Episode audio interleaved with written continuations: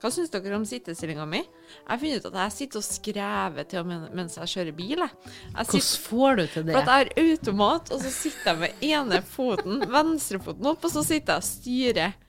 Så det er noen ganger jeg har hatt sånn fremmede inn i biler, og de er sånn Hva faen for noe harry person er jeg sitter på med nå? Og I forelesningssalen òg. Jeg tenker ikke over det, men plutselig så sitter jeg liksom og ser ut som jeg føder. Du hun er komfortabel overalt. Ja, helt jævlig. Det var bussen, eller? ja, ja, mamma sa til meg at eh, jeg kanskje burde ha vært på sånn skikk og bruk-kurs. Jeg bare sånn Faen, er det så ille, liksom? Hun var, kom til meg og var oppriktig bekymra fordi at eh, jeg satt sånn når jeg var i selskap med svigerfamilien og sånn. Med kjole òg, eller? Ja, men eh, såpass, eh, såpass da, Der er ikke jeg, da. Mener jeg sjøl. Jeg vet ikke. Det bare skjer.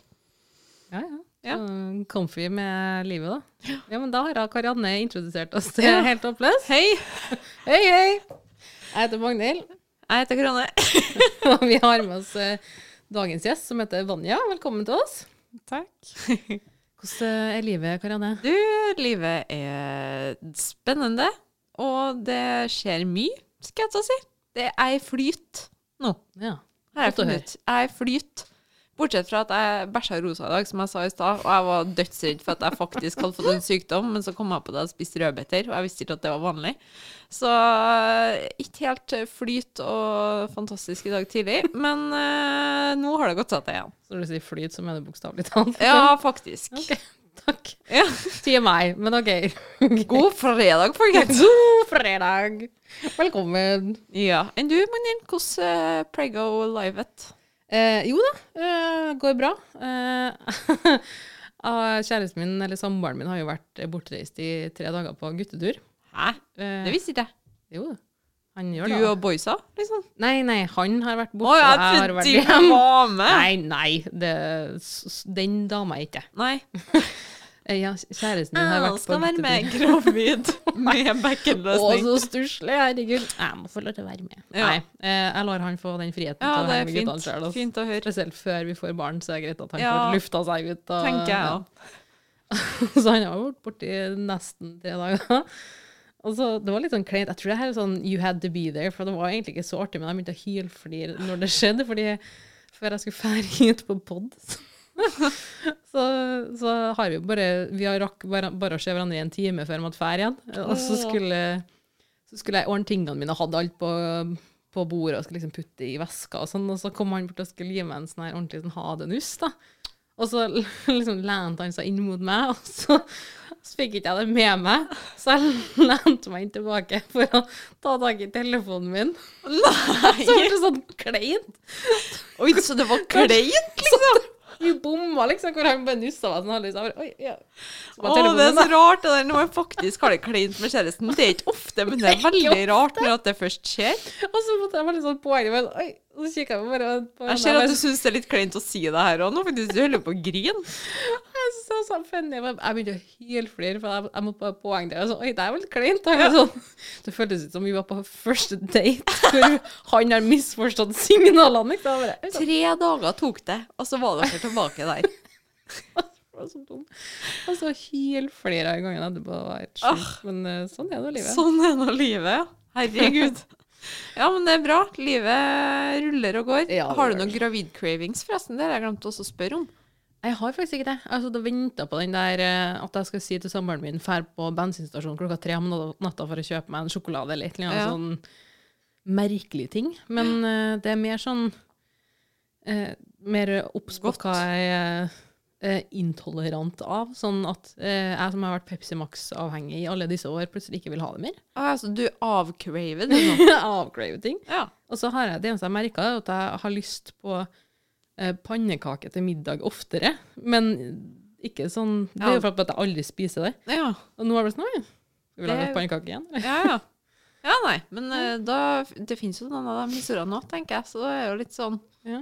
Jeg Greit å få høre det òg. jeg hadde forventa liksom at det skulle være sånn Åh, jeg må ha et eller annet. Ja. Sånn, nei, det kommer liksom, har ikke kommet sånn. Jeg håper jeg blir lik deg, og så bare avcrave ting. For jeg har nok cravings fra før. Altså, jeg, jeg erstatter jo ting med noe annet, så det er ikke sånn at jeg ikke drikker brus lenger. Nei. Jeg bare drikker en annen type med annen smak. Ja, skjønner. Så det er ikke bedre livsstil, liksom. Nei, nei. Men, ikke å, du har ikke fått enda en greie, i hvert fall. da. Nei. Nei. Eh, vi skal gå litt inn på temaet i dag. I dag skal vi ha en liten samtale om hvordan det er å være innlagt. Ja, det er veldig spennende. Det er ikke ofte du hører folk snakke om det. Nei, det er faktisk veldig tabubelagt, men det skjer jo eh, oftere enn vi tror. Eller sånn, det skjer jo hver dag, Mm. ikke sant? Det er bare ja. at ingen prater om det. Eh, og Vanja, du er jo her for å, å snakke litt om det, så derfor vil jeg at du skal introdusere deg sjøl med navn, alder og yrke. Eh, ja, jeg heter Vanja. Jeg er 28 år og eh, jobber som miljøarbeider. Eh, og Anja, har du lyst til å fortelle oss litt om eh, hvorfor du ble innlagt? Eh, ja, når jeg første gang jeg ble innlagt, der, så eh, hadde jeg ja, hadde litt vanskelig en periode i ja, livssituasjonen som var da, og at eh, jeg kjente at ting var ganske tungt. Og så da hadde jeg fått eh, ble oppfølgt av eh, det som kalles akutt ambulantteam. Eh, og da hadde jeg hatt tre timer der, og på den tredje timen så sa han at nå syns jeg ikke at du skal dra hjem, nå syns jeg at du bare blir med meg over her på akutten på Østmarka. Er det en beslutning som du må si ja takk til sjøl, eller er det det man kaller tvang, tvangsinnleggelse? Eh, Det var en frivillig innleggelse, men han mente at eh, hvis at Ja, jeg gikk med på det frivillig, men hvis at jeg ikke hadde gått med på det frivillig, så måtte de ha sett på om det trengtes en tvangsinnleggelse. Vet du noe i forhold til hvem er det som kan Hvis det skulle vært eh, en tvangsinnleggelse, er det familien din, eller eh, er det noe foreldrene dine må bestemme? Eh, nei, det er jo helsepersonell som tar den avgjørelsen, men eh, andre folk kan jo ringe inn en bekymring for noen til legevakt eller fastlege. Hvis man trenger en tvangsinnleggelse, så er det jo i hovedsak sak fordi at man er en fare for seg sjøl eller andre. Men hva var det som var grunnen til at du ble lagt inn? Var det angst? Um, ja, da sleit jeg jo både med en, Altså, jeg var, hadde jo ikke noe diagnose på det, men det var depresjon og angst. Og at uh, depresjonen min hadde kommet dit at det var veldig mye selvmordstanker. Ja, de, så jo på meg, at nå var det ikke så greit lenger. Kan du forklare hvordan uh, det er å være inn på Østmarka? Jeg tror de fleste har en sånn der eh, forestilling om at det er sånn padded eh, celle med bare Mm. puter, og at du sitter i en sånn tvangstrøye og sånn. Men Ja. hvordan ser f.eks. rommet ut der? Eh, Det er litt likt sånn som man kanskje ser for seg. Eh, På Østmarka så er det veldig sterilt, fordi det er veldig mye forskjellige personer som er der, da. Og noen er jo en stor fare for seg sjøl, mens andre kanskje bare har litt ja, negative tanker.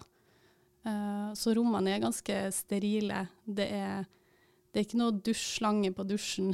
Det er alt er montert fast, sånn at man ikke skal ja, kunne ha muligheten til å skade seg sjøl der, da.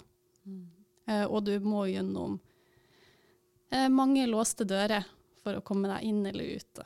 Hva er det som, eller sånn, hva er det som skal til på en måte for å bli innlagt? Eh, man må jo kanskje be om det òg, eh, Mm. men det er jo mye det at hvis de ser at du trenger mer støtte eller mer hjelp enn det det er mulig å gi i hjemmet, da. Eh, og så er det jo det at når Sånn som jeg har aldri vært borti eh, noe innenfor psykisk helse eller hjelp derfra før, og derfor så gikk jeg jo ikke til noe eh, psykolog eller behandler. Så det er jo noe som tar tid å få på plass. Og da har man jo akutt ambulantteam først, men eh, de kan jo ikke gi så lenge eh, hjelp heller.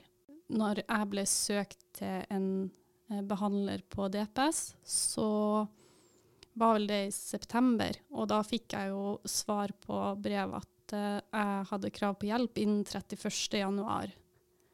Så det er ganske lang ventetid òg. Ja. Og da kan det jo hende at man trenger eh, innleggelse. Så det første du nevner, det, hva kalte du det? Ambulant team? Eh, ja, akuttambulant team. Hva er det for noe? Det er eh, lege eller psykiatrisk sykepleier eller psykolog eller noen som kommer inn og kan ta imot pasienter eh, akutt da, eh, over en kortere periode. Kriseteam, med andre ord? Ja, et kriseteam. Er de på sykehuset, eller kommer de hjem til deg? Eh, det er jo på De kan komme hjem til deg, eh, og så kan man dra på enten her i Trondheim, så er det jo på Nidaros DPS eller tidligere DPS. Eh, Men hva var det som på en måte skjedde den kvelden at du fikk den beskjeden? Og hva er grunnen til at du eh, har slettet mye med tanker om f.eks. selvmord og, og sånn? Eh, ja, jeg har jo blitt lagt inn flere ganger. Ja. eh, når det har vært behov. Så det har jo vært litt forskjellig hendelsesforløp på forhånd. da. Eh, men når jeg skulle bli lagt inn på Østmarka første gang, så hadde jeg gått denne behandlingen på akuttambulanteam i tre uker. Eh, der jeg hadde vært hjemme, sykmeldt, eh, lå bare på sofaen. Gjorde absolutt ingenting. Ungene mine var til faren. Jeg traff dem et par ganger, men jeg hadde ikke krefter eller noen mulighet til å gjøre noe, egentlig. Og det eneste, eneste jeg gjorde som var liksom ikke var å ligge på sofaen, var jo når jeg på en måte Det ble så overveldende vondt at det eneste jeg ville, var å skade meg på noe vis. Hvordan, er, eller hvordan var følelsene dine tilbake til den gangen? da, Det å gi fra seg ungene til faren? De er jo tydeligvis i trygge hender, men hvordan er det for deg som mor? Man føler seg jo helt mislykka. Eh, fordi at mor skal jo ha ungene sine. Men man har jo ikke noe valg når at det er så vanskelig, og man vil jo at de skal ha det best mulig. Og da er det litt sårt og vondt å innrømme at OK, akkurat nå så har dere det ikke best med å være med meg. Nå må dere være til pappa. Men tror du ikke det at du var en veldig Hvis du tenker på det tilbake til nå da, og analyserer det, tror ikke du at du var en, egentlig en veldig god mor, sånn som jeg hører det? For Ja. At du, du satte ungene dine først framfor dine egne behov for å ha ungene dine, Mm. tenker jeg da. Jo, det jeg var litt opptatt av det. At det at jeg har det vanskelig og sliter psykisk nå, skal ikke gå utover dem på en annen måte enn at selvfølgelig går det utover dem når de savner mammaen sin og ikke skjønner hvorfor de ikke kan være med mamma, og de er såpass små at det er vanskelig å forstå. Um, de fikk jo òg, når vi kom dit at jeg ble innlagt, så fikk jo ungene være med det at han skjønte hvor mamma er, for mamma er på tankesykehuset. Eh, hun er ikke på vanlig sykehuset, men hun er for at hun skal rydde i hodet sitt og, og få gode, glade tanker igjen. Så de ble eh, eksponert til at uh, mamma sliter og sånn. Det var ikke noe sånn at de ble helt skjermet bort ifra deg da. Nei, jeg har jo prøvd å skjerme dem fra, fra det på en måte også, men jeg syns det var fint at de kunne komme og ha samtale med meg, og faren dem, deres var med. Det er så smart, er ikke det? At Veldig- eh, åpenhet og sånn rundt syk eh, Ja, jeg psykiatri? syns det. Jeg syns det er veldig fint, og det skaper på en måte en større forståelse for dem òg, ikke sant. Og det at de eh, på um, Østmarka eller intensiven har program for på en måte mødre og foreldre, da, det, det viser jo også det at du er ikke alene. Altså, det er ganske mange som har barn som sliter med psykisk helse. Men hvordan var opplevelsen for deg eh, på Østmarka?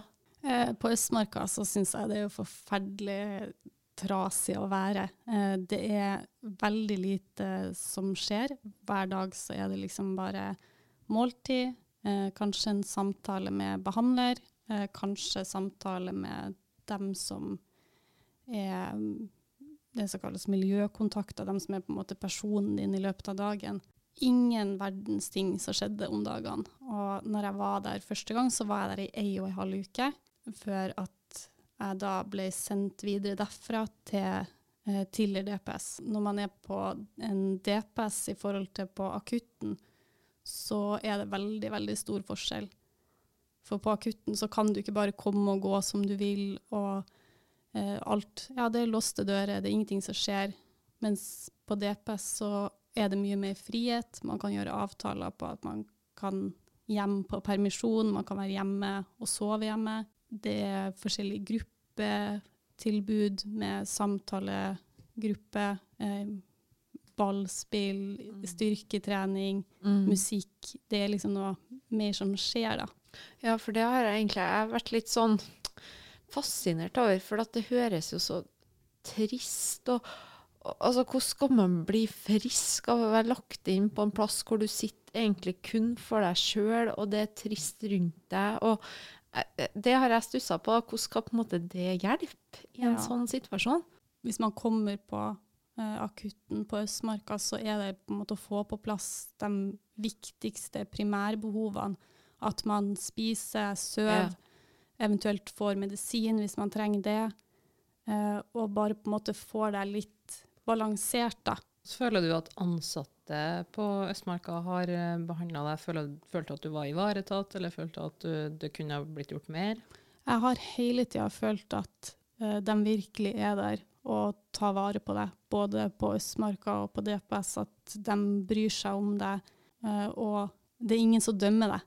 Det er Mm. ingen som liksom tenker at du er helt psycho fordi at du har så lyst til å dø, eller du har så vanskelige tanker, du tør ikke å gå i kantina etter mat. Det er ingen som sy syns at du er liksom dum eller rar for det om. Eh, det har jeg heller opplevd andre steder, at man blir dømt for det. Jeg hadde en episode der jeg var innlagt på sykehuset eh, og følte at jeg følte meg bare dum, og jeg syntes det var helt forferdelig. Og jeg kom et, jeg, da kom jeg rett fra sykehuset til Østmarka etterpå, og så snakka jeg med hun ene som jobba der om det, da. Og så sa jeg at jeg følte jeg ble sett så ned på. Og så ba ja, men føler du at du blir sett ned på her? Og så sa jeg nei, jeg gjør jo ikke det.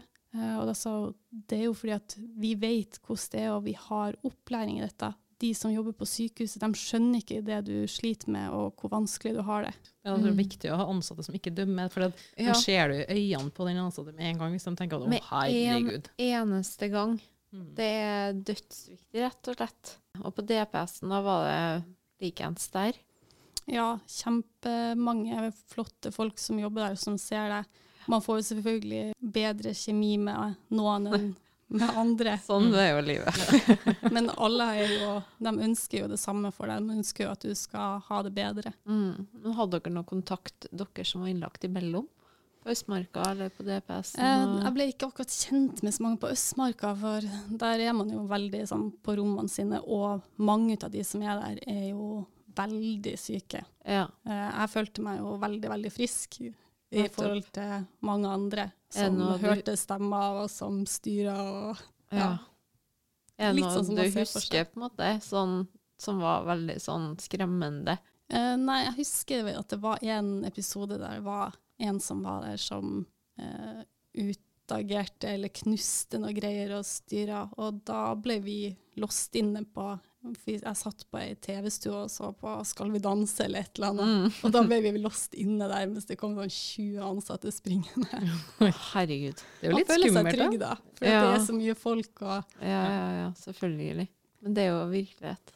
Mm. Og det er jo det som er at det er så veldig mange forskjellige personer som har behov for en innleggelse. Noen er veldig, veldig syke og klarer absolutt ikke å ta vare på seg sjøl, mens andre sliter med litt mer normale ting, på en måte som angst og depresjon, og bare trenger litt ekstra støtte. Hvordan har du det i dag? Eh, I dag har jeg det mye, mye bedre. Eh, selvfølgelig så Jeg kan fortsatt kjenne litt på angst, eller at eh, alt er ikke rosenrødt. Men alt i alt så har jeg det ganske bra. Og ganske bra. Det er litt sånn Det svinger jo til alle, ikke sant? Så det, det er veldig, veldig godt å høre. Men hva gjør du om dagen nå, da? Eh, jeg jobber mye. Ja. Og så er det noe unger og trening og veldig mye som jeg ikke fikk til for et år siden. Ja. Da var det liksom umulig for meg å komme meg på trening, og det var umulig for meg å støvsuge leiligheter eller orke å gjøre så mye. Og det føles så godt å bare kjenne at jeg mestrer de enkle tingene. Hvordan eh, reagerte venner og familie når du fortalte dem om innleggelse? Jeg har kanskje ikke vært den som hele tida på en måte ropte høyest at dette er det som skjer i livet mitt nå, for jeg følte på så mye skam rundt det. For jeg sjøl òg hadde jo fordommer rundt at en innleggelse psykiatrisk, da er du faen meg psykos. Da, det går ikke an. Men familien og altså folk rundt har jo vært støttende, selv om jeg også opplever at man blir dømt. At det blir liksom sånn Hun er jo helt psyko. Men jeg forstår det. Da er det for at man ikke har nok kunnskap, rett og slett. For du er jo ikke fra byen.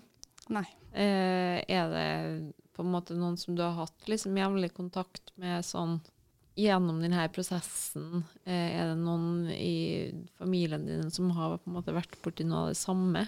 Egentlig ingen i familien min som har hatt sånne utfordringer. Eh, men mamma kom og var her en måned. Pappa har kommet ned eh, flere ganger. Hvordan føles det å prate med vennene sine om det? Eh, dem du har rundt deg her, syns du det er ekkelt å utbrette, eller syns du det er befriende? Jeg syns det er litt vanskelig. Jeg er den som eh, ja, ikke syns det er så lett å fortelle de tingene. Og jeg tror også det er fordi at jeg har opplevd at når jeg er åpen, eller når jeg har vært åpen om det, så har jeg kanskje også vært åpen med, med folk som jeg ikke skulle ha vært åpen med, og som det da blir spredt videre eller eh, snudd og vridd på. Og derfor så tror jeg jeg syns det har vært litt vanskelig også. Og fordi at det har, jeg hadde så vanskelig at bare det å snakke om de tingene har vært Mm. eh, ja, veldig utfordrende. Og så er det noen, eh, psykologen eller psykiateren eller man går til, kan jo komme med spørsmål som er kjempevanskelig, syns jeg. Sånn som når de sier sånn eh, 'Hva trenger du nå?' Så er det sånn Jeg vet ikke! Du må vite det! Hvordan Bare skal jeg si vite meg det? hva jeg skal gjøre. Jeg vet ikke. Ja, Men det syns jeg har vært vanskelig når folk spør meg ja, men hvorfor skjedde dette, hva, hva var det? Så det er sånn nei, jeg vet ikke hvorfor at ting starta, men Mm. det gjorde nå bare det, og så bare balla det på seg, ble mer og mer, og ja, man har ikke alltid et klart svar på hvorfor. Men hva er grunnen til at du på en måte kjenner at du ønsker å komme hit og prate om det i dag? For det er ganske sterkt av det altså. Det syns jeg er skikkelig beundringsverdig. Enig. Ehm, ja, jeg vet egentlig ikke helt hvorfor. Angra deg med en gang, du. meg, og så fikk jeg så angst. Og så var sånn, men jeg, Nei, nei, nei. Men så var det sånn, jeg tør ikke, jeg har angst for å skulle avlyse også. Ja. Så jeg sånn, faen, jeg vet ikke hva som er verst. Stakkars dratt i alle mulige retninger. Stakkars. Huff a meg. Det vi kan nesten være enige om, er at du er absolutt ikke den første til å bli innlagt. Du er i hvert fall ikke den siste. Nei, herregud. Og jeg bare håper at vi har en én lytter der som sitter og på en måte har opplevd det samme, eller som syns det er vanskelig å snakke om psykiatri og alt som skjer i hodet. da. Så hvis vi har noen lyttere ut der som eh, enten er på randen, eller som eh, kjenner at de begynner å slite veldig, da, hva slags tips har du til dem? Men Be om hjelp. Uh, vær ærlig og åpen så mye du kan, uh, både til de rundt deg og eventuelt en fastlege, eller, som da kan henvise deg videre. Eller i verste fall ring eh, legevakt, selv om jeg har hele tida syntes det har vært det vanskeligste. Jeg, det har bare hatt skikkelig høy terskel på å skulle kontakte dem. Da har jeg prøvd alt jeg kan på å bare holde meg såpass samla at i morgen kan jeg ringe fastlegen. Men så har jeg en helt fantastisk fastlege òg, som har Jeg føler virkelig at hun har stilt opp for meg, Ja. rett og slett. Men er det en episode som du husker hvor du på en måte er litt sånn humoristisk nesten var helt håpløs? Det er litt sånn galgenhumor i det. Fordi at jeg syns Ja, jeg hadde det skikkelig, skikkelig vanskelig, og bare ikke så noe som helst eh, løsning på at livet mitt plutselig skal bli bra. Jeg fucker det jo bare mer og mer til. Så for jeg og så kjøpte jeg meg tau. Men når jeg skulle kjøpe det tauet, så var jeg sånn Faen, det her ser så suicidalt ut. Nei. så jeg tok med en pakke ballonger også. Å, fy faen! Og sånn, fy faen, så jævlig håpløst. Så jeg vet ikke om det er greit å flire av det. Sånn Men jeg ser deg for meg, og så bare smiler litt sånn den personen som står bak kassa. Å, fy faen. Men jeg fikk mye mer bruk for ballongene enn for tauet. Så Det er godt. Det var, det er godt, å- det er godt. Det er veldig godt å høre. Det var en veldig bra historie. Den, den var sånn, det var mørk og artig på samme tid. Ja. Oh, men det forteller bare at alle er mennesker, liksom, og det der er bare helt Nei. Jeg synes det er veldig fascinerende tankegangen til folk. At, eh, for du kunne jo bare drete i de ballongene Men sånn Å nei, det her, det her ser altfor suicidalt ut. Da må finne å ta tyggispakker eller noe sånt. Nydelig. Da tror jeg vi sier god helg, jeg. Jeg tror jeg, Tusen takk, Vanja, for at du valgte å komme til oss i dag og eh, gjorde oss litt klokere på temaet. For Ja. det er jo noe som nesten ingen av oss vet så mye om, med mindre man har opplevd det sjøl eller jobber eh, med psykiatri. Da. det er akkurat det. Og er det en ting som viser ren styrke, for å si det sånn, så er det det å faktisk kunne sitte her og prate om det. Mm. Så nei, det er helt rått. Tusen takk. Tusen takk. takk for at jeg fikk komme. Du er vår glede. Ja. Så kjære lytter, da har dere også blitt litt klokere, håper vi. Ja. -hmm. Eh, og sliter du med noe hjem, så lytt til Vanja sine råd. Be om hjelp. Ja. Uansett hvem det skal være til, så bare ikke vær redd for å strekke ut ei hånd. Mm. Så ønsker vi dere riktig god helg. God helg, ja. Takk for at dere hører på. vi. ha det. Hvis du likte denne episoden, så håper jeg du tar deg tida til å gå inn på iTunes og gi oss en strålende anbefaling, så vi kan nå ut til flere akkurat sånn som deg. Husk på å abonnere på podkasten vår i Spotify, så du får med deg neste episode. Har du en spennende livserfaring, historie eller en episode der du var helt håpløs, send oss en DM på Instagram til hh-pod.